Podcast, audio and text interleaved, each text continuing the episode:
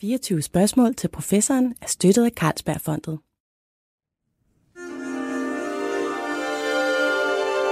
Du lytter til Weekendavisen. Her kommer 24 spørgsmål til professoren med Lone Frank. Jeg har i dag besøg af en gæst, som jeg tidligere har haft inde i 24 spørgsmål til professoren. Øh, nemlig en af de allerførste udsendelser, jeg lavede for fem år siden. Og det har jeg, fordi det emne, vi talte om dengang, det er ikke blevet mindre aktuelt, men snarere mere.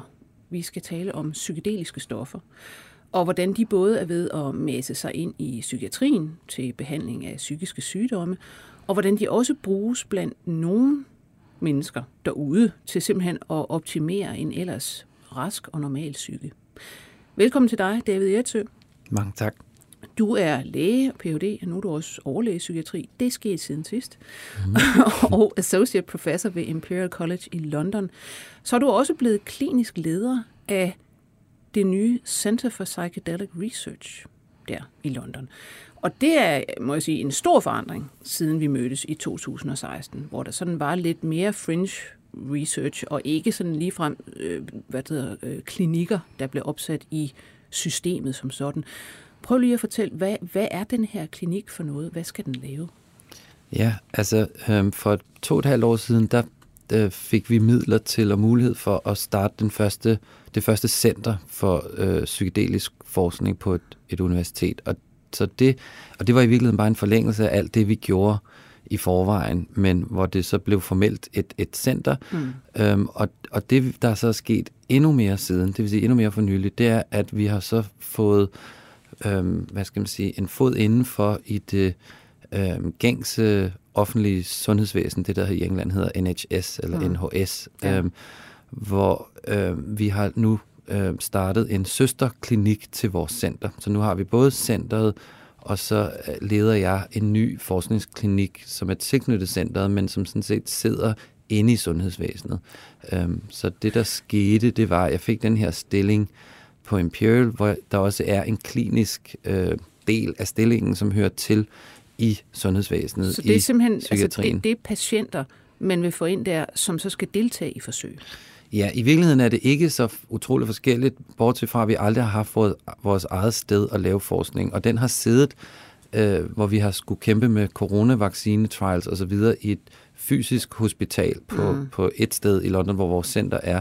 Men vi, alt det, vi laver, hører jo til i psykiatrien, og jeg er jo selv psykiater, og de fleste af os der er inden for mental health. Og øh, så det, der skete, det var, at vi i forbindelse med den stilling, jeg fik, at jeg foreslog, sådan, om man måske kunne benytte de lokaler, der blev brugt til elektroshock på dage, hvor der mm. ikke skete noget. Ja. Øhm, og det fik jeg så lov til, og vi lov til. Øhm, og det gjorde, at vi begyndte at flytte noget forskning så småt derind. Men det var ret besværligt, fordi den ene dag blev det brugt til noget ekstremt klinisk, øh, dårlige patienter, med, også med anestesi og elektroshock. Mm.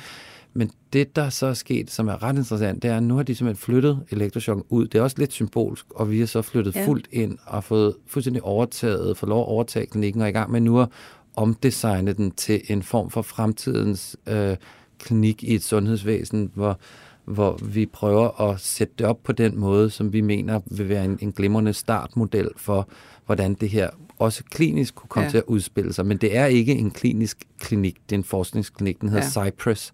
Ligesom landet, men stadig på en helt anden måde. Det er stadig med CIPPRES-klinik. Men, men det er, som du siger, det, den store, øh, det store ryg, det er egentlig, at det har foregået som forskning, der var meget svært ofte at få tilladelse til overhovedet at lave til, at nu er man ved at give op til, og der er også nogle afprøvninger af stoffer rundt omkring i verden, der ser ud til, at jamen, det kan måske godt blive godkendt som en egentlig behandling, som så er sammen med noget psykoterapi eventuelt. Så sådan en klinik der er i virkeligheden kan man sige, model for, jamen, hvordan kunne man bruge det her som behandling. Ja. Og som du siger, så er det lidt symbolsk, at elektroshock, det ryger så et andet sted hen. Ja. Men øhm, før vi går ind i, hvad er der egentlig af interessante forskningsresultater på det her i psykiatrien, så lad os lige tage historien om psykedelika kort. Altså fordi der er jo netop en blomstringsperiode i 50'erne, 60'erne, og så sker der egentlig noget. Hvad, hvad, hvordan er det egentlig, det hele starter? Det starter egentlig i den vestlige verden med, at øh, kemikeren i Basel, der arbejder på et laboratorium, øh, et lægemiddelfirma, der hedder Sanders, øh, han hed Albert Hoffmann, han blev 100 år, hvis han mm. blev endnu ældre, øh, så han har levet indtil for ret nylig. Han øh, opdagede i forbindelse med, at han, han i sit laboratorium prøvede at udvikle nogle forskellige molekyler, så øh, kom han til at og, og smage på et af dem, som så var LSD. Så det var mm. den måde, LSD kom til verden på. Det var, at han lavede det i sit laboratorium. Og det, han blev så nysgerrig på den meget ret skræmmende og meget mærkelige oplevelse, han fik, og det gjorde ham heldigvis så nysgerrig, han mm. lavede det igen og tog, hvad han troede var en en lille dose, som viser at være i LSD, for LSD er ekstremt potent, så det er nogle meget små doser, man skal bruge. Han tog en monster Han tog en ret stor, det vi kalder en brave dose, vil jeg sige, uden at han, han selv vidste, den var sat brave. Og det var under 2. verdenskrig, øh, jeg tror det var i 43, og det bliver så stadigvæk markeret som Bicycle Day, for han skulle cykle hjem fra sin fra øh, sit laboratorium og var mm. altså virkelig trippet i mange, mange timer på LSD. og det han kunne se, det var, at, at den oplevelse var af så voldsom og interessant psykologisk karakter, at det måtte være noget, han burde dele med sine psykiaterkolleger. Mm. Og det gjorde han så, og så begyndte de først at teste det her som en potentiel model for psykose, for at man kunne prøve at finde ud af, at det her, fordi det er rigtig smart, inden, særligt inden for sådan noget som psykiatri, at have modeller for de forskellige tilstande, så man kan forstå dem bedre. Øhm, men det, og det, det var så det første, der skete, og så begyndte de her forskellige kolleger at give det til forskellige mennesker mm. og teste det, og fandt så ud af, at der faktisk var øh, forbedrende effekter psykologisk øh, og øh, på mental health af den LSD-oplevelse. Og så Man kan også sige, at det, det passede jo meget godt ind i, i tidens øh, psykiatri, var jo ret påvirket af psykoanalyse. Og ja. i det hele taget altså interessen for, hvad er psyken for noget, og kan vi åbne den større, og, ja. og alt det her. Ikke? Så, så, så det var, altså man kan sige, at psykiatrien var noget andet dengang, end det er i dag, hvor det er meget biologisk orienteret. Ikke? Jo, og nu er vi måske på vej til lidt en blanding, hvor mm. noget psykologien ja. kommer ind, og også noget af den ikke så kognitive, mere dynamiske psykologi kommer tilbage ind, fordi det er den, der passer godt sammen med de her oplevelser. Ja. Så det, det er lidt en, en redningskrans smidt ud til noget af den psykologi, som er barberet mere og mere ud af det etablerede offentlige system, i hvert fald de fleste steder i verden. Ja. Så det, det, men det, det, der skete, det var, at, at, at de her forskellige terapeuter, der begyndte, de begyndte at blive nysgerrige for, hmm, er der altså faktisk terapeutisk potentiale mm. i det her molekyl? Og det blev, øh, der blev så lavet en hel række trials der i 50'erne, øh, som man nu var oppe i, og, og selv samme Albert Hoffman var også gudfar til psilocybin-molekylet, fordi ja. det var ham, der syntetiserede, altså lavede det kunstigt i laboratoriet, mm. det som er i de magiske svampe. Så, så han har en ret central rolle i, i, mm. i kemien og udviklingen af de her molekyler, eller forståelsen af dem. Og meget af det, der også skete, var med til at, at sætte fokus på det øh, store signalstofsystem i hjernen, der hedder serotoninsystemet, og dets rolle i øh, øh, psykiske lidelser. Som vi ikke mindst kender fra både depression og angst, ja. øh, og i det hele taget har serotonin jo rigtig meget at gøre med stemninger ja. og opfattelser af verden, og det kommer vi øh, tilbage til men det er, jo, det, det er jo også interessant, det vokser jo der i, i løbet af, af 60'erne også til sådan en psykedelisk bevægelse, som mange af os måske er det, det er det, vi forbinder med psykedelika i den første bølge. Ikke? Der er mm. den der bevægelse med Timothy Leary på, på Harvard, der siger, at jamen, altså, det, det, skal netop, det er sådan noget bevidsthedsudvidende, det her. Det er mm. det, der er det interessante. Det vil ændre kulturen på ja. en eller anden måde. Ikke? Ja. Og så bliver der selvfølgelig slået tilbage fra systemet, som ja. man vil sige. Ikke? Altså, ja. Nixon han erklærer i, i 70, tror jeg det er, war on drugs, mm-hmm. og det er jo så, øh, der, der bliver LSD og den slags stoffer jo øh, fuldstændig bare forbudt. Ja. Altså, og så, øh, så sker der selvfølgelig også det, så, jamen, så, så lukker forskningen jo sådan set ned. Ja, for øh, lige præcis på grund af de FN-konventioner osv., der kom der, så blev de klassificeret i et nyt klassifikationssystem, som gjorde, at de simpelt ikke havde medicinal use, så de kunne ikke øh, bruges længere, øh, og, og derfor var forskningen øh, død, og mm. den, derfor var den død i flere årtier, i ja. omkring 40 år, øh, indtil vi faktisk sammen med Johns Hopkins fik det genåbnet, og det, øh, så chefen på Imperial, David Nott, som som ligesom havde det pondus, der skulle til for mm. at få lov at lave det igen, og så, og sideløbende. Og så også nogen i Schweiz, som også i parallelt har lavet noget. Ikke? Øhm, så, så man så kan det sige blev... lige så stille om, omkring år 2000, og ja. så, så begynder man at, at se på, jamen kunne man øh, bruge det her i forbindelse med øh, flere ting, altså dødsangst hos mm. for eksempel øh, cancerpatienter, der, der skal dø. Kunne ja. man gøre noget ved dem? PTSD, øh, kan man gøre noget ved sådan altså, øh, resistent PTSD og depression kommer man også efterhånden ind i. Ikke? Men det er jo sådan meget spredte og små studier. Ja. Øh, og så, så tager det jo ligesom fart her i de seneste, hvor mange år vil du sige, at der, at der virkelig er, er sket noget? Altså, der, jeg vil sige, der kom ufattelig meget tryk på, efter vi omkring det år, hvor vi sikkert talte sammen, 2016, øh, hvor vi har lavet det første studie siden den første æra der i 60'erne, lavede det første depressionsstudie med ja. psykedelisk intervention. Der lavede vi et lille pilotstudie, som havde meget lovende, meget interessante resultater, selvom det ikke var i forskningssammenhæng det bedst øh, designet studie, fordi det, vi var begrænset af alt muligt, inklusiv midler, men øh, men det var faktisk et, et, et, et støttet af den britiske så offentlige midler ja. øh, til at lave det studie og, og det var, der var ikke nogen sådan kontrol, kon, øh, hvad hedder det, situation blandet ind i studiet, så det var sådan et open label proof of concept, kalder yeah. man sådan en type studie, men resultaterne så rigtig gode ud, at en enkelt intervention med en fuld dosis psilocybin hos de her depressive, og de var ikke bare depressive, de var temmelig depressive, og de var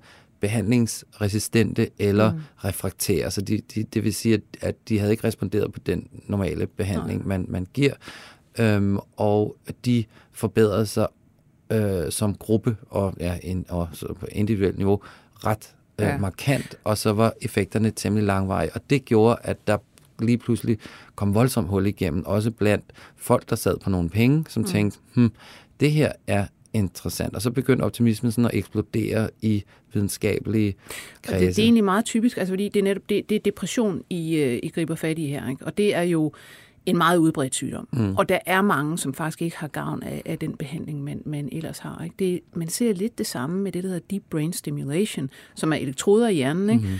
Øh, det har man brugt til Parkinson rigtig længe, øh, og, og forskellige psykiater øh, prøver det til forskellige psykiatriske tilstande, men det, der virkelig samler opmærksomhed, det er depression. Mm. Ikke? Fordi det er den der store sygdom, som alle ligesom kan se, kan vi, kan vi gøre noget her? Ja, og som men, også, hvis man regner på det på den sådan, helt kyniske øh, mm. sundhedsøkonomiske måde, ja. er en af dem, der koster verdenssamfundet allermest, og kun har bevæget sig op og op og op på den liste. Øh, så det er, ja. det er faktisk ikke den sygdom, der er mest udbredt i psykiatrien, det er angst. Men ja. angst og depression overlapper, og når noget hjælper på den ene, hjælper det øh, typisk også på den anden. Så, så det her er lidt en blanding af angst og depression, men det skal være sådan ret rene studier, ja. så derfor så er det depression, der er i fokus, men angst kommer ligesom med. Mm. Men lad os tage det her, fordi det er jo ret interessant, hvordan, øh, hvordan det her overhovedet virker. Når I siger, jamen nu prøver vi at behandle de her meget vanskelige behandlelige patienter med en, en, øh, en svær depression, det er jo ikke bare netop at give dem stoffet. Altså selve setupet er et andet. Ikke? Mm. Altså hvordan foregår sådan et, øh, en behandling her? Ja, så no- normal farmakologi, når man giver noget, der virker inde i, i hjernen øh, på en måde, hvor man har formodning om, at det her det vil være smart for grund af de biologiske ændringer, vi, vi, vi har forståelse af, er til stede i folk, for eksempel depression, øh, så, så giver man noget, der måske blokerer en receptor, eller blokerer en, sådan en støvsuger, der øh, øh, hvad hedder det, tømmer synapsen, sådan, så man får mere af serotoninen typisk i de her synapser. Det er den måde, det normalt foregår. Så tager man sine tabletter en om dagen eller sådan mm. noget mm. i, i måneder og år. Øhm, og så det er simpelthen ikke... en kemisk, nogle kemiske øh, reaktioner eller processer, man sørger for at foregå på en bestemt måde hver eneste dag ja, med det medicament. præcis. Eller, og eller man går den mere psykologiske rute, som der heldigvis har været mere fokus på over de seneste årtier, at den kognitive terapi har, er, er blevet mere udbredt og blevet mere tilgængelig i de fleste vestlige lande til patienterne. Sådan så hvis det ikke er voldsomt hæftig depression, for eksempel, så starter man der. Øhm, og nogle gange er, folk, er det sådan en blanding, at man både får øh, medicinen og får øh, psykologisk terapi. Øhm, men det er ikke sådan, at selve den farmakologiske behandling er bundet op på en oplevelse, og det mm. er det med det psykedeliske. Ja. Og den anden store forskel er, at det er enkelt interventioner. Det er ikke, at man tager det psykedeliske stof, medmindre vi taler microdosing, som vi kan vende tilbage til, men ellers er de fulde doser, mm. at man øh, får enkelte øh, høje doser i nogle meget, meget hvad skal man sige, sikre og støttede sessioner, hvor man øh, først forbereder folk grundigt på lære, lære, lære dem at kende, ligesom man gør i psykiatrien og psykologien mm. generelt. Selvfølgelig har man nogle grundige udredninger, øh, men de udredninger går endnu dybere og bredere, end man normalt gør. Man taler også om, måske om øh, religiøse øh, øh, tros øh, altså, I, I genneminterviewer simpelthen ja. de her mennesker for at finde ud af, hvem er de egentlig, ja. øh, før I laver sådan en, ja. en session? Og, og også finde ud af, hvad deres forventninger til det er. Mm. Hvis det her er et quick fix, øh, hvor de regner med, at deres hjerne bliver reset, og det er bare det, de vil, mm. så, så er de ikke klar, og så, så videre. Så, så, så, og vi er også i gang med at raffinere og gøre det endnu grundigere, den måde, vi tager folk ind i de her, sådan, øh, i de, de her terapisessioner på. Når, når, og så kræver det, at man ikke har øh, øh, psykotisk lidelse ja. eller tætte relationer, øh, førstegrads slægtning og så videre med psykotisk lidelse, fordi det er et sårbart øh, stadie øh, at, at placere folk i med de her øh, stoffer, og øh, psykose er det, man er red for mm. at kunne trigge. Øh, der er ikke nogen ordentlig evidens for, at det gør det, men det er ganske sandsynligt, at det kan det, hvis man har virkelig sårbare personer og giver det på den forkerte måde osv. Så, videre. så derfor så... Der, jeg blev opmærksom på faktisk et, et lidt interessant en undersøgelse fra 2020, hvor man har kigget på øh, 1400 mennesker, som har prøvet at selvmedicinere sig mm. med psykedeliske stoffer. Det vil sige, de har ment selv, at jeg har noget depressivt, eller jeg har noget angst, jeg har noget, jeg vil mm. behandle med det her.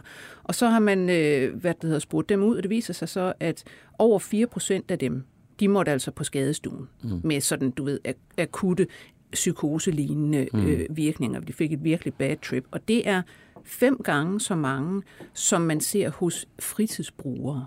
Så det vil sige, det, det ser ud som om, at ja, hvis du skal behandle en eller anden psykiatrisk lidelse med det her, så skal du ikke bare gå hen og gøre det selv, fordi der er, altså, der kan ske ting, ikke? Ja, og vi, vi, det kan vi også se, altså, at hvis man, jo mere sårbar man er, jo højere man er på forskellige også personlighedsparametre, som er relateret øh, i kraft af at være sårbarhedsmarkører for mm. øh, psykisk lidelse, eller hvis det er egentlig psykisk lidelse, så er der større chance for, at det kan være rigtig udfordrende, og derfor er settingen, konteksten, den øh, støtte og den terapi, der sidder rundt om, endnu mere vigtig. Mm. Um, så derfor så passer det godt ind i det. Og der er sådan set øh, ikke voldsomt god evidens. Der er noget evidens for, at sådan, slægtningen til folk, der har psykose, der er mere sandsynlighed for, at de får nogle bøvlede oplevelser, og det, det er tilbage til fra 60'erne, så er noget evidens, den er ikke så solid, mm. og man kan sige, det gode, jeg kan sige, det er, at i alle de trials, der er lavet de sidste 20 år, inklusiv vores og, og de andre grupper, der har gjort det, der er ikke set psykotiske mm. reaktioner i nogle af de her trials, så det vil sige, når folk er blevet screenet grundigt, forberedt grundigt, mm.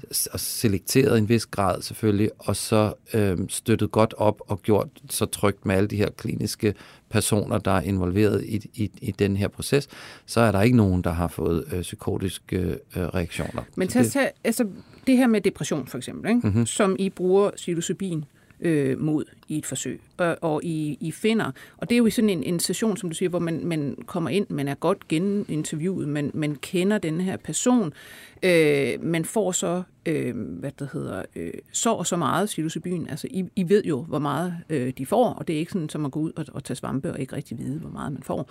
Øh, og så hvad det hedder, ligger man i, i flere timer, altså et sted, hvor der også er nogen, der holder øje med en. Og så bliver man også øh, hvad skal man sige, så taler man om det bagefter ikke? Mm. med en, en terapeut. Ja. Og så kan I så se, at ud fra sådan en enkelt session og samtale osv., at der er, ja, hvor, hvor stor en antidepressiv virkning hos hvor mange, og hvor lang tid var den? Dybt set er effekterne meget, meget, meget klare, meget tydelige og meget store. Mm. Det, man kan altid udfordre forskningsstudier med, det er, om de er godt nok kontrolleret og placebo-kontrolleret. Og det er svært at gøre med en psykedelisk oplevelse, fordi den har den karakter, den har. Det er mm. meget, meget specielt. Har intet at gøre med de fleste andre euforiserende stoffer. Det er nogle psykologisk meget dybstikkende, som bringer alt muligt op af meningsfuldhed og, og øh, en, en sådan dyb fornemmelse af at tilhøre noget større og ud af en selv, og man kan faktisk sådan helt momentant ophøre med at eksistere flyde i et med, med omgivelser og alle andre mennesker og universet, og så samle sig igen, når, når stofoplevelsen øh, aftager. Mm. Og det er der enormt meget terapeutisk potentiale i, og det er det, vi kan se. Og vi kan se, at folk så får det væsentligt bedre, hvis det er raske, vi giver, selv raske, vi har lavet studier, der ikke er publiceret endnu, mm. på raske, der aldrig har prøvet psykedelisk stof før, ja. vi kan se, at de forbedrer sig, får det bedre, når vi måler på, ikke på depressiv skala, men i raske på well-being, mm. øhm, der kan vi se, at de får det bedre. Og det er, altså, om hvor mange præcis, i, i, det afhænger af hvilket studie, men det ligner, de ligner hinanden meget i positive øh, outcomes, og at det er vedvarende. Det vil sige, mm. at det ikke er forever, men det var i nogle måneder. I mange øh, af patienterne op til seks måneder, at vi ikke fulgt dem længere. Øhm, der kan vi stadigvæk se, at som gruppe har de øh, statistisk signifikant klart ja. bedret øh, depressionsniveau, øh, altså så de er forbedret øh, på alle de sådan øh, nøgleparametre, man, man vil undersøge folk med depression på. Og det, ja. det, det, det har vi og andre set, og det er rigtigt, de ligger i de her sessioner i flere timer øh, i et rum, som er, og det er også derfor, den klinik, jeg taler om, er, skal indrettes på en anden måde end, end en normal øh, øh, hvad hedder det, sundhedsvæsens mm. øh, afdeling, øh, fordi der er sådan en afdæmpet belysning, og der er nogle elementer af natur, der er øh, en særlig musik, der skal spille i rummet, det skal være meget roligt, og meget støttende miljø, hvor der så sidder nogle ret dyre, kan man sige, ja. øh, klinikere inde i sessionerne. Og man kan sige, der er mange ting, som vi og andre er i gang med at finde ud af. Det er for eksempel, altså, er det endnu bedre, mm. eller er det værre at gøre det i grupper? Og der ja. er der allerede data, også for os selv, der ser ud som om, at, at der er helt klart noget for at gøre det i grupper. Det er også okay. den måde, altså det er jo en mm. visdom, øh, som stikker tusindvis af år tilbage i andre kulturer. Men det er jo også netop det der med, at du siger, at, at det, det handler om, er den psykedeliske oplevelse. Mm. Det er ikke, hvis man siger, et, øh, altså hvis du, det er ikke bare den kemiske påvirkning. Den kemiske påvirkning åbner for en bestemt oplevelse, eller en bestemt type oplevelse. Mm. Øh, og jeg vil sige, hvis man vil høre mere om, hvad, hvad patienter faktisk siger om den her oplevelse, så kan man gå tilbage og, og lytte et program, jeg har lavet med Dea Sigurd Stenbæk, som du også kender, mm-hmm. som øh, er på øh, Neurobiologisk Forskningsenhed ved Rigshospitalet, som du samarbejder med, ja. og formentlig skal samarbejde langt mere med. Øh, men det her med den psykedeliske oplevelse, som du siger, noget med, at man føler sig, altså man er sådan vendt ud af sin egen navle. Det kan være noget med at føle sig forenet med altet, med naturen, med et eller andet, mm. nogle indsigter, man får og sådan noget. Det har jo også prøvet at undersøge, hvad er det, der egentlig sker i hjernen. Og, og det tyder meget på, at det er hvad skal man sige, nogle netværk, vi normalt bruger på meget snæver vis, der sådan åbnes og skaber nogle nye forbindelser. Prøv at forklare om det. Ja, altså vi har forskellige måder at kigge på, på hjernen på. Vi bruger sådan overordnet tre forskellige former for hjernescanning. Sådan meget molekylær, hvor vi kan måle på receptorer osv. Der er øh, på Rigshospitalet, hvor det hører til, og hvor jeg også lavede min Ph.D., og hvor der er nogle dygtige folk, som er meget øh, gode til det. Vi, vi laver også noget lignende på på Imperial, men der, der kan man for eksempel se, hvor meget af stoffet øh, sidder på den receptor, der medierer den psykedeliske virkning osv. Der kan man lave nogle rigtig spændende ting. Som er en, en bestemt serotonin-receptor, der hedder 2A. Ja, og derudover, så kan man også bruge den type scanning, men ved at bruge et andet sporstof, der kan man måle på nogle helt, der er nogle nye sporstoffer, der kan måle på øh, plasticitet i hjernen. Det vil sige, at er der, er der mulighed, eller hvad hedder man sige, kan, kan hjernen ændre sig strukturelt helt nede i synapserne? Kan der blive lavet nye synapser? Kan der laves nye Det er der, hvor nervecellerne forbinder sig og taler ja, med hinanden. Ja, lige præcis. De der små spalter, der sidder mm. mellem det afsendende og det modtagende nerveceller. Øh, nerveceller ikke? Øhm, og det kan man måle på, og det er, er noget, vi også nu sætter op i den her nye øh, øh, Cypress Clinic i, i London, og Rigshospitalet laver det parallelt. Vi gør det så sådan, så vi ikke laver nøjagtigt det samme, så vi kommer til at undersøge DMT og ketamin og, og på Rigshospitalet med psilocybin for at se, om vi kan måle på, øh, at der sådan øh, strukturelt er ny øh, altså simpelthen sker plasticitet, forandringer øh, i hjernevævet. Og det er, så, det, det er noget af det, vi kan måle på med, med, med en type hjernescanning. Så kan man have de magnetiske scanninger. Hvor man kigger på øh, hjerneaktivitet. Ja, der kan man både kigge på struktur og aktivitet, og vi kommer også ud med nogle nye data snart, hvor vi kigger på forbindelser, de anatomiske, strukturelle forbindelser mm. mellem hjerneområder, og kan se nogle rigtig interessante sammenhænge øh, mellem det og med det psykologiske, der sker. Så vi kan simpelthen se, at der sker nogle forandringer. Øh, det, ja, det er på vej. Og derudover, så det, som du nævner, det funktionelle, det vil sige, der, det, det betyder, at man kan se på hjerneaktiviteten med de her MR-scanninger. Øhm, og så når folk bare ligger stille og roligt ind i scanneren, så er, fungerer hjernen på den måde, fra vi bliver udviklet fra børn til voksne, at, at, at hjernen bliver sådan tunet ind på, at de her områder, de arbejder smart sammen, så de bliver aktive i, i, i et tid. konglomerat af hjerneregioner, øh, der arbejder sammen. Og det er det, vi kalder funktionelle netværk. Det betyder, at det er de regioner, der hører sammen funktionelt. Og, og, og det er så den måde, det normalt fungerer på, at når man gør det, så er det de her hjerneområder, der arbejder sammen osv. osv. Og når vi bare slapper af, så inddeler det, når man kigger på de her hjernescanninger, så i forskellige funktionelle netværk, som er rimelig separeret fra hinanden. Øhm, og, øhm, Noget med det, man kan sige, er, er for eksempel det der default øh, brain network, ja. øh, som ligesom er det, når vi bare sidder og dagdrømmer og kigger ud i luften, laver ingenting, så er der sådan et netværk, der ligesom øh, tuner os ind på os selv. Altså sådan det lidt indadvendt, at man siger, at det har noget med øh, sense of self at gøre, ja. selvfornemmelsen. Ja. Og det bliver meget dæmpet, når man tager psykedeliske stoffer. Ja. Og måske med i det der med, at man faktisk glemmer sig selv lidt, flyder, flyder i et med, ja. med alt muligt andet. Jeg vil sige, det, det begynder, og sådan er det. Altså, når man lavede det første studie nogensinde af, hvad det gjorde i hjernen, så var det det, det så ud som om, og, og, og også, at der blev brudt nogle indre sammenhæng i det netværk, som mm. vi ved for eksempel er øget i det, der er områder der, der er øget i depression, det blev der skruet ned for. Ja. Der blev skruet ned for nogle forbindelser inden for det her default-netværk, som vi ved for eksempel er, er stær, en, en, en, en, en, en for stærk sammenhæng mellem de her områder, når man ruminerer, det vil sige, at man sidder fast i når man tankemønstre. Når så sidder man og tænker i de samme baner hele ja. tiden. Man kan ikke ligesom komme ud, og man kan ikke sige, nu, nej, nu lader jeg være med ja. at tænke på den her måde. Så det var noget af det tidlige, vi viste, og man kan sige, nu har vi så lavet forskellige studier og på forskellige psykedeliske stoffer osv., og det vil sige, det er, det det, det, der, der er nogle mønstre i det, vi finder i hjernen, som går igen, og som er sådan et fingeraftryk øh, formentlig af mm. den her psykedeliske oplevelse. Og det er lidt en blanding af de forskellige hjernescanningsmodaliteter, altså typer, ja. øh, og inklusiv EEG, der ser vi nogle, nogle af de sådan, dominerende aktivitetsmønstre i hjernen, bliver der skruet ned for det noget her alfa-bånd, som aktivitet, som der bliver skruet ned for, og, og så kan vi se for eksempel med DMT, at, at delta går op. Det som er det, der meget... er i ayahuasca, ja. jeg ved, ikke? Ja. Jo, præcis. Og vi kan se, hvordan det relaterer til nogle af de psykologiske fænomener. For eksempel det der med, at man flyder i et med omgivelserne og får sådan en fornemmelse af ens øh, selv, øh, så den desintegrerer og opløses. Øh, altså ikke forever. Øh, og, øh, men men det, det, det er det, vi kigger på, og vi kan se, at de her sådan, funktionelle netværk smelter mere i et og bliver øhm, sådan, så det bliver en mere løs, fri, fleksibel kognition, som er karakteriseret af psykologiske oplevelser, men den er også direkte til at se i de her Så det er ligesom, hvis, hvis ens tanker i virkeligheden har, har haft sådan et, et ræb bundet om sig, og så mm. er der mm. nogen, der klipper det her ræb over.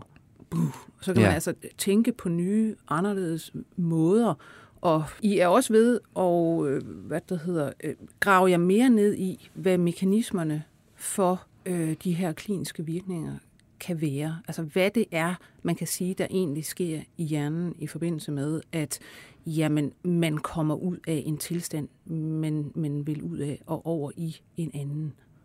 Ja, så, så ved at både at kigge på MR-data, altså de magnetiske scanninger, og at kigge på EEG, de elektrofysiologiske mål med små elektroder rundt omkring på hovedet, der kan vi prøve at forstå noget omkring hjerneaktivitet, noget omkring mønstre, noget omkring netværk, noget omkring bølger af aktivitet mm. i hjernen.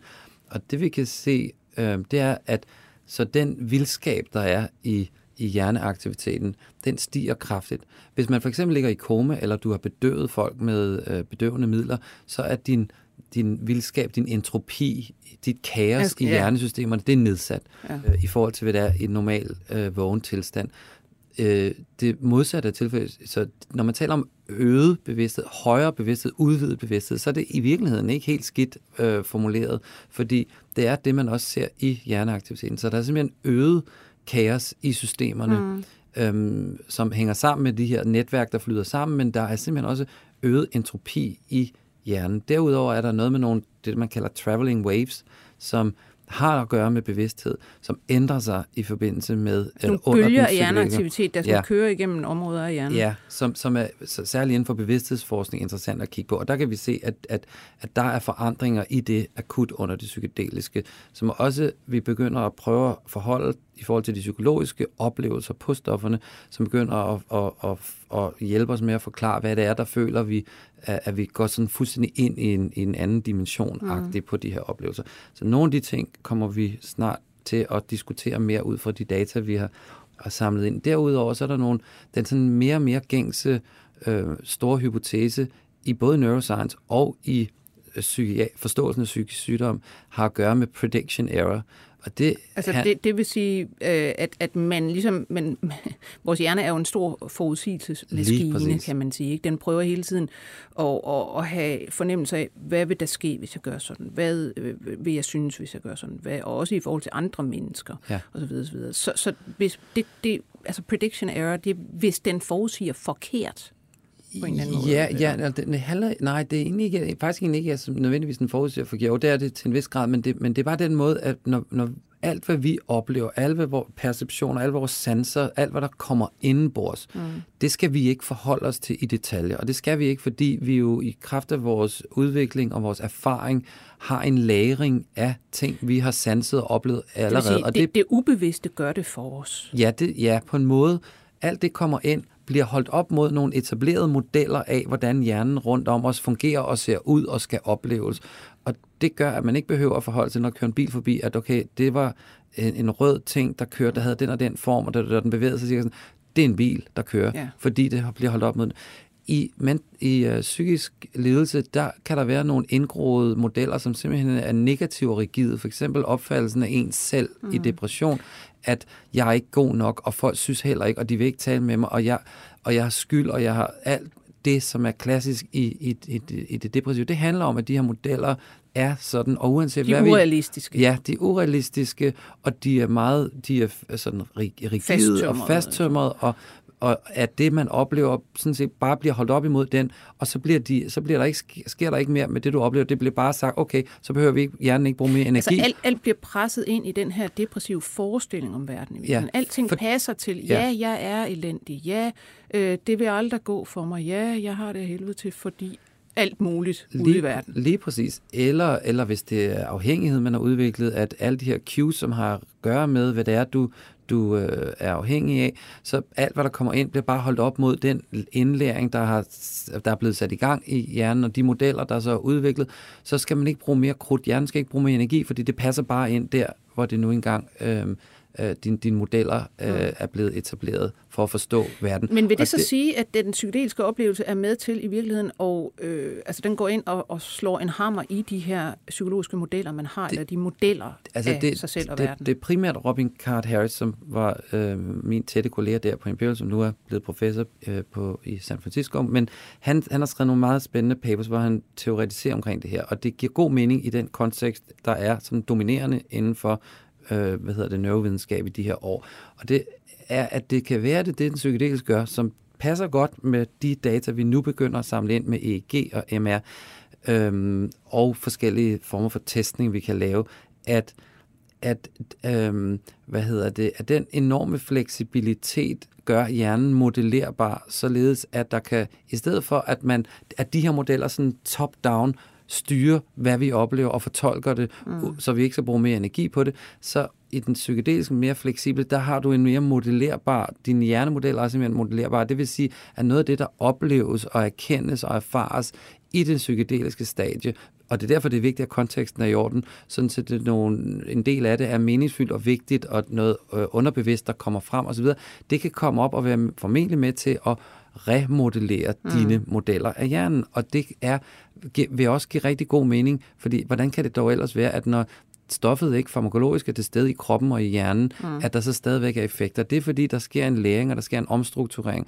Det er det, vi både prøver meget biologisk at måle på. Hvad er det for en plasticitet, der øh, øh sker i hjernen? Hvad er det for en psykologisk fleksibilitet, der sker? Hvordan relateres det i forhold til selve oplevelserne? Og hvordan passer det ind i, at, at der sker en fra top-down, en mere bottom-up, så du får remoduleret dine hjernemodeller mm. og din forståelse af hjernen, af, af, af verden og af dig selv.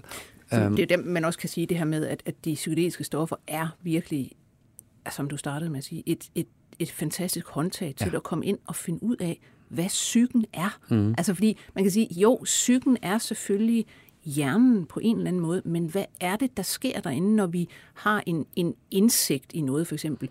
Ah, jeg, jeg er måske del af noget større. Jeg føler mig som del af noget større. Jeg behøver måske ikke se på mig selv, som jeg plejer at gøre. Ikke? Nej. Altså, det er simpelthen nogle processer, der, der sker.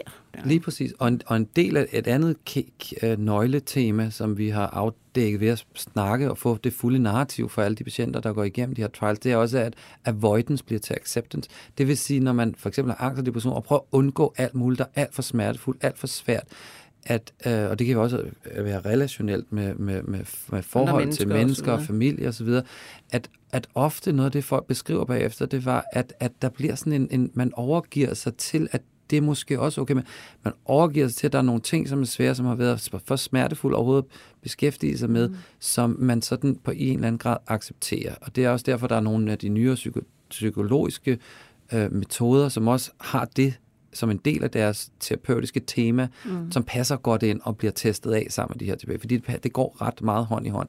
Øhm, så der, der er en, en, en parathed fra de nye psykologiske modeller, hvor mm. det ikke længere er psykoanalyse eller kognitiv, men der er nogle forskellige modeller, hvor der kommer noget, noget, nogle andre elementer ind, og en blanding af dem, som kommer til at passe godt. Det er en af grundene til, at jeg tror, at verden og, og videnskaben og klinikken er klar til de her terapeutiske mm. modeller, er, at, at psykologien egentlig også er blevet klar. Øh, så det hele passer ret godt sammen. Det er derfor, det er så vigtigt et tidspunkt for udviklingen mm. af det, vi har gang i. Ja, ja.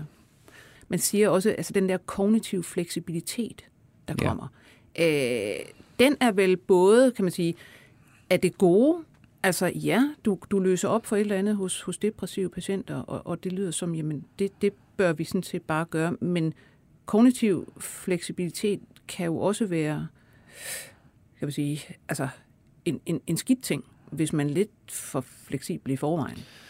Ja, altså man, man kan sige, og hvis man måske starter i, i det med egoet og selvet, mm. og hvis man allerede har en lidelse, hvor der er en meget løst selvforståelse og selvafgrænsning, mm. og, og øh, som, som i visse psykiske lidelser er en del af, af det, folk egentlig døjer med, øh, for eksempel psykose, så er det øh, formentlig temmelig øh, udfordrende og problematisk at skubbe det videre ud over en kant, øhm, hvor folk måske kan blive fuldstændig tabt i det. Og det er derfor, vi holder os i, de, i hvert fald de her år mm. langt væk fra øh, psykose. Der er også andre øhm, lidelser, inklusive noget personlighedsforstyrrelse. Jeg tænker sådan noget som borderline, det ja. kan heller ikke være skide nej, godt, vel? Nej, altså. det ser ikke sådan ud. Der, vi har ikke lavet sådan en studie. Der er nej. nok nogen, der kommer til at gøre det ganske forsigtigt. Mm. Jeg vil ikke sige, jeg, jeg tror, at nogen med borderline formentlig kunne have helt klart glæde. Vi har også anekdotiske historier om, at der er nogen, der har følt, at det virkelig har hjulpet. Mm. Jeg tror, der vil, eller det ser også ud som, der er andre, der ikke har det, og, og der,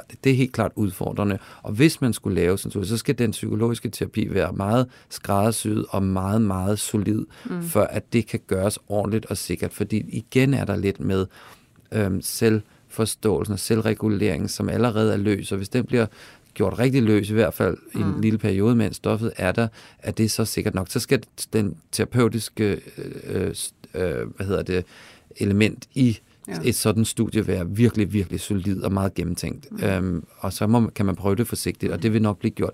Det er ikke det, vi har på øh, vores wow. liste af, af studier, vi kommer til at lave. Øh, jeg vil sige, et andet, øh, en anden tilstand, som man jo har, har prøvet både øh, LSD og psilocybin mod, er, er PTSD altså posttraumatisk stresssyndrom, ikke? Hvor, hvor folk virkelig også kan være svære at behandle, hmm. og, og har de her øh, flashbacks, og øh, har det bare generelt elendigt, og er i sådan en opgivet alarmtilstand hele tiden.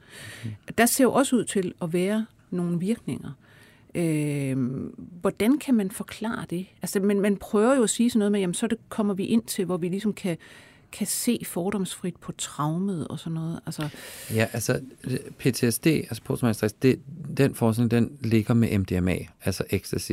Så det vil sige, der bliver lavet store fase 3-studier, og det er nok det stof til den indikation, der kommer først ud. Okay. Og det med, at vi er noget længere, sige, det der også er sket, ah, det er sket omkring, det, ja, måske skete det efter, vi talte sammen, men, mm. men for at gå lidt baglæns til det, vi talte om før, de, de store regulerende myndigheder, FDA i USA, som er dem, der skal øh, godkende nye behandlinger, og som er inde over tidligt allerede at godkende planerne om at lave, ja.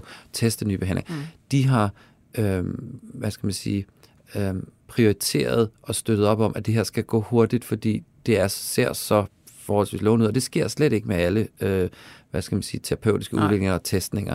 Så, så det er ekstremt interessant, og det har de både gjort med MDMA-terapien til posttraumatisk stress og med psilocybin til depression. Øhm, så det, det er en vigtig ting, der er sket, ikke? for det viser også noget om, at, at der er nogen, der er meget opmærksom på, at det her øh, er vigtigt at få testet. MDMA til, øh, til PTSD er lidt anderledes end psilocybin til øh, de indikationer. Og psilocybin kommer også til at blive testet, de andre ja. psykedeliske, også til traumer. Ja. Men øh, primært har det, er det nu MDMA. Og den, de sessioner, de er lidt mere aktive på den måde, at øh, hvis vi taler om psilocybin, så ligger folk med en maske på, der er musik, og de går ind i oplevelsen og, og, og, og lad, lad oplevelsen drive værket, så er de selvfølgelig støttet, og kan, man kan tjekke ind hos mig, de kan tjekke ind hos terapeuterne, og hvis de har brug for at tale om noget af det, men typisk vil de blive opfordret, eller det gør vi, opfordre dem til at gå tilbage ind i oplevelsen, og, mm. og lade sig suge ind i oplevelsen, ja. og opleve ind i oplevelsen. Ja. Øhm, hvor på MDMA, der åbner det også op for en sådan meget social og meget varm og meget hjertelig øhm, øh, empatisk øh, Ja, så folk, der har prøvet ecstasy, de siger også, at det er noget med sådan, altså det er kærlighed, kærlighedsfølelse ja. til enten altså en genstandsløs, eller også sådan til universet, eller alle andre mennesker. Ja. Ja. Så, så, det, så der har fokus været for eksempel på øh, folk med autisme og social fobi og parterapi, men det, der kommer, det er til PTSD, fordi folk, der har virkelig svær PTSD, har, har nogle traumer af en sådan karakter, som giver dem så meget angst, flashbacks og mareridt osv., at det er dybt svært overhovedet terapeutisk at komme ind og arbejde med materialet. Mm. Øhm, og øh, der ser MDMA-terapien ud som om, at den har virkelig øh, fat i noget der, hvor man kan komme ind og arbejde på en ikke angstprovokeret måde, for lyst op for ting. Øhm, og det er lidt anderledes end, end den psykedeliske, mere hands-off, til, hvor mm. selve sessionen på stoffet er øh, mindre in, in, interaktiv, kan man sige, øh, hvor, hvor det ligger mere før og efter, og så er det simpelthen selve stopoplevelsen, der, det er, der gør arbejde. Det er interessant i det hele taget det her med, at de her behandlinger, det bliver ikke noget, hvor man bare går hen på et apotek, får sig noget psilocybin, MDMA, DMT eller andet. Det bliver noget med, at der, der skal formentlig være nogle licenserede og godkendte øh, klinikker, hvor der er nogle øh, godkendte, erfarne terapeuter, og så ja. er det et helt, sådan et helt terapiforløb. Det er jo en helt ny ting at skulle godkendes som medicin. Ja, og det er også derfor, det hele er ret mm. interessant og sjovt faktisk på en eller anden måde, fordi det er nye modeller, mm. og det vil sige myndigheder, lægemiddelstyrelser, alt, alt skal forholde sig anderledes ja. til at det her simpelthen er en kombineret farmakologisk model med psykologi. Ja. Og det har der ikke rigtig været før. At det har der så, fordi de her er jo blevet testet i 50-60'erne i en ja. vis grad. Øhm, så vi, vi genopfinder en hel masse. Vi genopfinder en hel masse, og så har vi selvfølgelig nogle måleredskaber og metoder, mm. og en meget stringent måde at prøve at teste ting på, som, ikke som kan, vi ikke havde. Som vi ikke havde. Altså man kan sige, den dobbeltblændede uh, randomis, uh, hvad hedder det, lodtrækningsforsøg, som blev øh, den gold standard i altså, starten altså, af 60'erne. Hvor nogen får placebo, ja. og, og nogen ikke gør. Det var sådan lidt myndet, tror jeg, på antibiotikatestning, at så kunne du ja. give en placebo, og du vidste ikke, hvem der fik hvad, og de vidste heller ikke, hvad de fik, og så videre, og så videre, og det var tilfældigt. Uh, det er, den, det er den, sådan den måde, man bedst... Det, det er svært at overføre til det her. Det var også noget af det, der gik galt i 60'erne, udover at uh, hippiebevægelse, Vietnamkrig, War on Drugs, Nixon, så var der også noget med, at det ikke rigtig passede ind i den, som på samme tid ved en tilfældighed mm. blev den nye måde at teste ting på. Og der, der har, er, er vi et nyt sted nu, ja. hvor sådan noget som FDA er fuldstændig med på, at det her skal have lov at blive testet på en anden måde, fordi du ikke ordentligt kan placebo-kontrollere det, for eksempel. Fordi du kan ikke give nogen noget, hvor de tror, de har fået noget psykedelisk. Det er. fordi at det ved man godt, man ikke har, når man ikke får nogen ja, oplevelse. du kan prøve, men, men, men, øh, men det vil ikke blive optimalt Nej. anyway, og derfor så er det en anden model, vi, vi tester det på. Plus, at man kan sige, at vi er også godt alle sammen klar over, at det selvfølgelig ikke bare er stoffet, det er hele mm. konteksten, det er al den terapi, der sidder, al den opmærksomhed, den musik, der bliver spillet, men det er også okay. Ja, det skal øhm, bare afprøves, så man ved, hvad det er. Ja, og så man ved, at der, der er noget om snakken, og ja. vi prøver, og det er også derfor, den forskning, der bliver lavet i de akademiske miljøer og, og centre som vores og på Rigshospitalet osv., er i gang med at prøve at forstå grundigt og skælne det ene fra det andet så meget vi kan, uden at mm. gøre det farligt, fordi man kan ikke bare pille hele psykologien, al den sikkerhed, der ligger i konteksten og mm. settingen, den kan man ikke pille af, men så kan man gøre andre ting. Man kan prøve at forstå den ved at lave nogle smart designede studier, som, som man, man prøver så at prøve at forstå hele pakken. Hvad betyder hvad? Hvad betyder musikken? Hvad betyder mm. det ene og det andet? Og Øh, og så kan man også i de meget lave doser, der kan man mere sikkert pille konteksten væk og, og teste, om meget, meget små doser ja. har terapeutisk øh, virkning osv. Og det, det er lige det, vi skal til. Vi skal til at snakke om, om microdosing, som jo er blevet øh, frygtelig populært øh, blandt mange. Men det lyder som om, at altså med den klinik, I har stillet op, der kan vi mødes igen om fem år, og så, kan, så ved du meget mere om, hvad det er, musikken, farven på væggene, billederne, øh, terapien osv. gør. Øhm, men det her med microdosing, det er jo så blevet, hvad skal man sige, en ting i, i kulturen. Altså der har, der har vi ikke tale om øh, terapi mod en eller anden sygdom, nødvendigvis øh, psykiatrisk lidelse. Der er heller ikke tale om noget øh, trip, hvor du ligger ned, og, og hvad det, der er nogen, der, der fører dig igennem. Det er simpelthen øh, et område, hvor, hvor nogen er begyndt for en, hvad, 5-10 år siden, og sige, jamen, hvis vi nu tager øh, doser af de her stoffer, som faktisk ikke fremkalder en psykedelisk oplevelse, men vi bare sådan tager dem hver dag, øh, eller hver anden dag, eller hvor meget det nu er, så ser det ud som om, vi kan, eller vi føler det som om, vi kan optimere vores hverdag, vi kan blive mere kreative, vi kan få det bedre, osv. osv.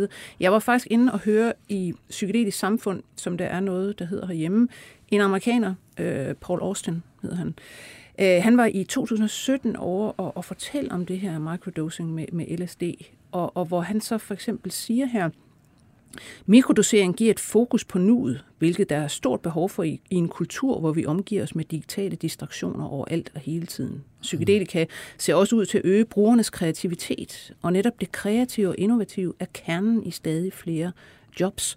Så det er sådan noget med, der, der er kommet en filosofi, der hedder, hvis vi, hvis vi bruger det her, så optimerer vi sådan set os selv. Selvoptimering. Ja, og man må bare sige, altså, der er utrolig meget anekdotisk evidens derude. Ikke? Altså folk, der, der siger, jeg har følt det her, jeg har mærket det, bare prøv at se på mm. mine resultater. Ja. Og der er også nogen, der har lavet små studier mm. af det, og sådan, men man har hele tiden savnet store studier, hvor man faktisk kontrollerer, kontrollerer med placebo, fordi det kan man jo her, når det handler om, at man ikke får en psykedelisk oplevelse. Og det har du gjort. Mm. Og øh, der er kommet et studie ud, der egentlig siger, det her virker ikke.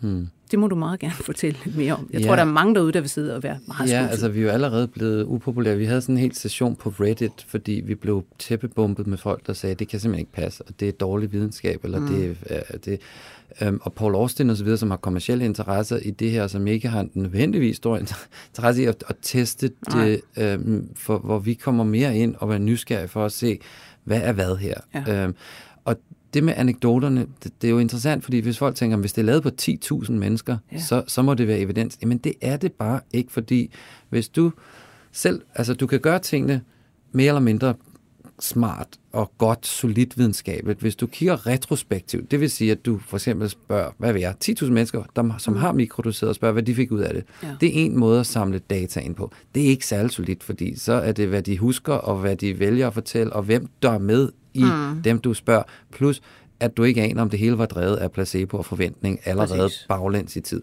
Så kan du gøre det en lille smule bedre at gøre det prospektivt, det vil sige, at du, du fanger folk ind, når de planlægger at gøre det, mm. og så følger du dem over tid. Og, og så det vil sige, at du tester dem før, under, efter. Det er noget bedre. Men hvis alle får det bedre der, med alt, hvad du måler på, så kan du stadigvæk ikke vide, om det var fordi, de forventede havde den enorme hypede forventning. Og det kunne være placebo, ja. præcis.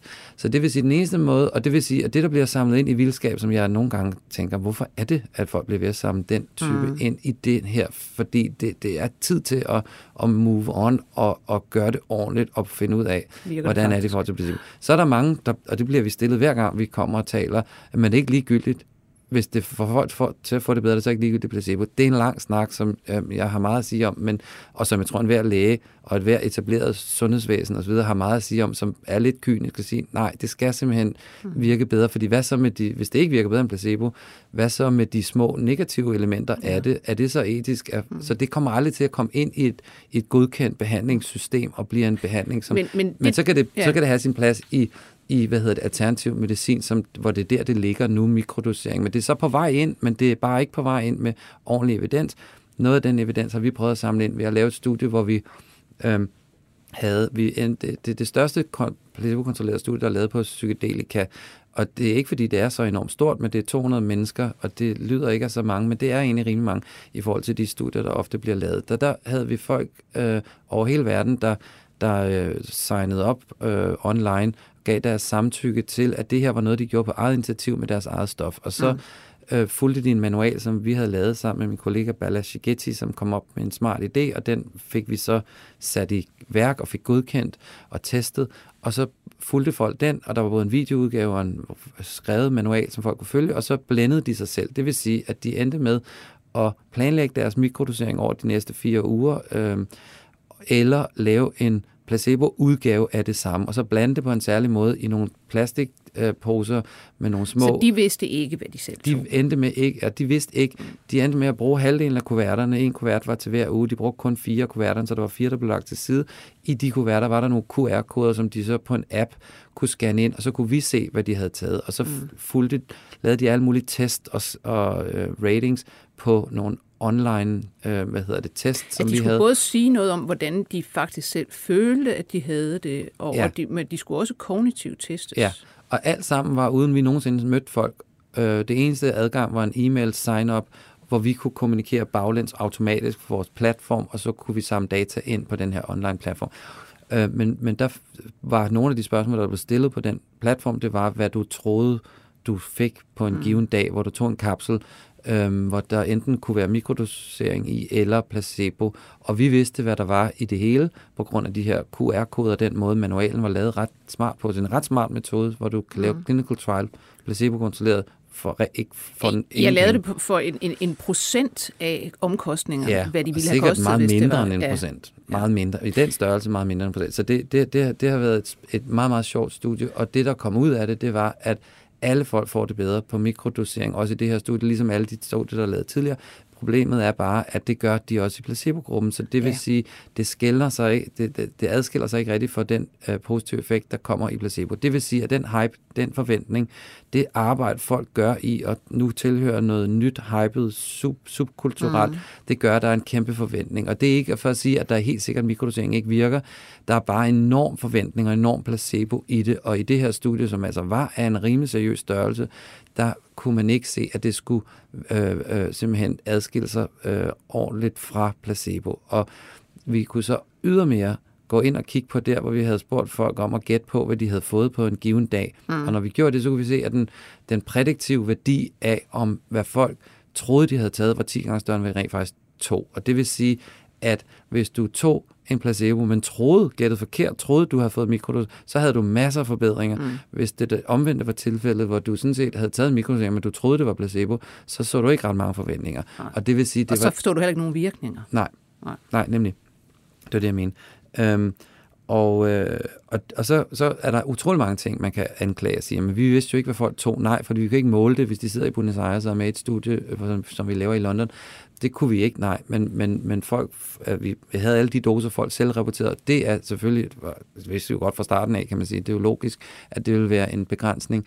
Men... Mm, men det tyder i hvert fald, og det, jeg vil sige, enhver, der interesserer sig for, for mikrodosering, bør gå ind på det tidsskrift, der hedder eLife, og finde den her artikel øh, og læse den. Altså, fordi det er jo sådan set, øh, det er jo heller ikke uventet på en eller anden måde, at det her vil være, eller kan have en enorm placebovirkning, når det er noget, som du netop siger, der er forventninger derude, der er, øh, man føler sig del af sådan en helt, altså, øh, jeg vil næsten kalde det en evangelisk øh, mm. hvad det hedder, bevægelse, ikke? Altså, når du hører på de her microdoser, læser de mm. bøger, de skriver, altså, det er netop sådan en, altså, faktisk som de første, Timothy Leary og nogle af de andre, ikke? Ja. Dette her vil ændre alt hos dig. Det er simpelthen bare det bedste, der er sket. Ja. Og det er jo lige præcis, det er jo opskriften på placebo.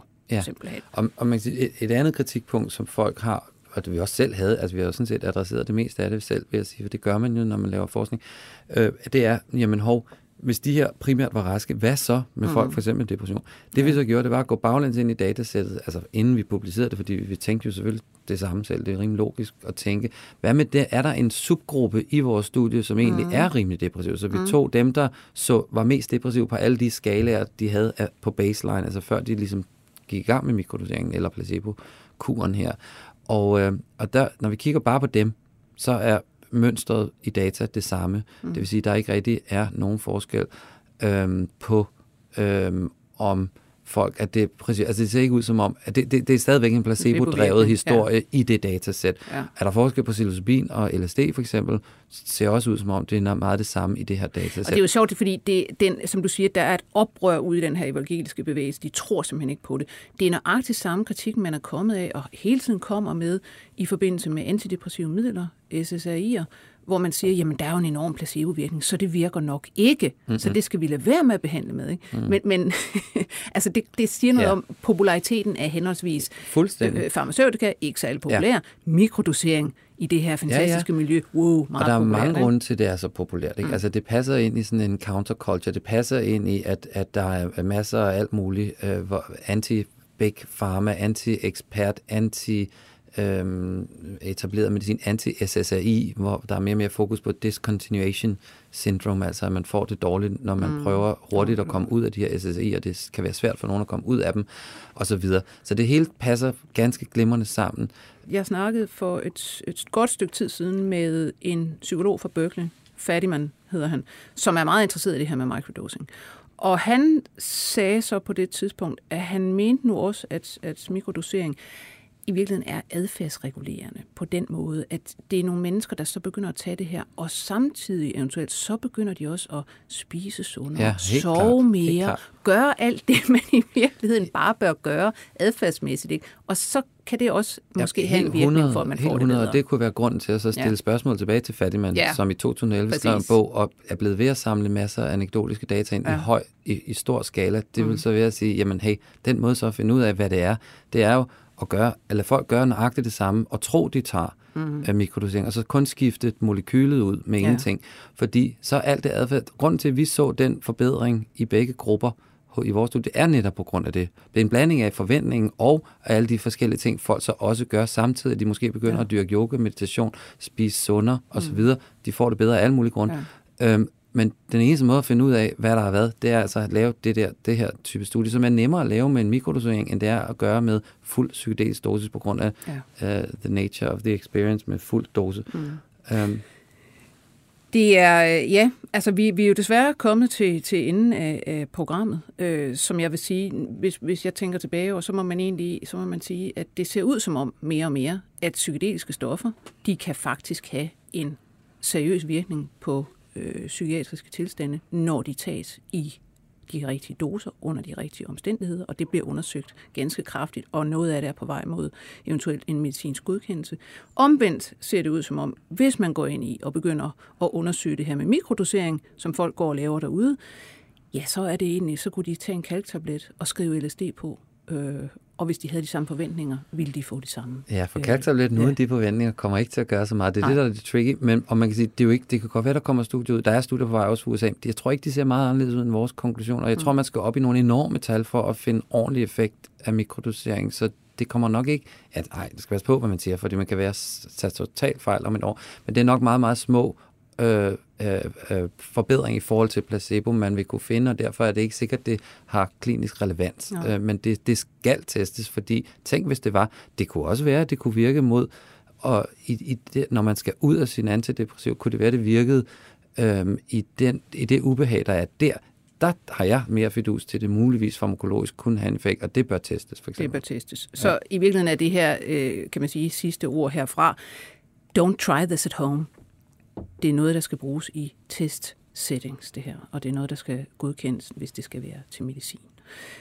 Jeg er meget spændt på at høre, når vi mødes om, om fem år igen, hvordan jeres øh, klinik i, i London, og eventuelt jeres, øh, hvis der bliver noget interessant her i Danmark, faktisk kommer til at, at virke, og, og hvem I, I kan behandle.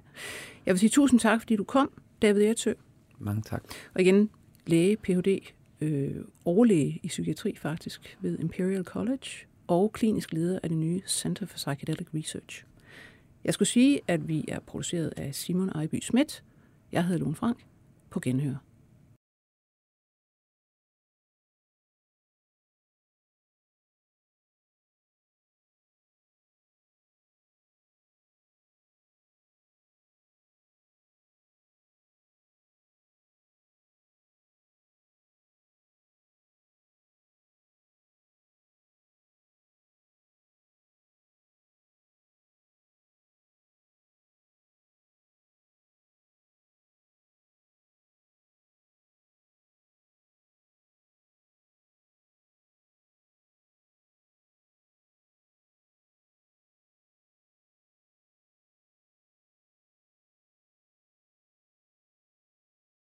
24 spørgsmål til professoren er støttet af Carlsbergfondet.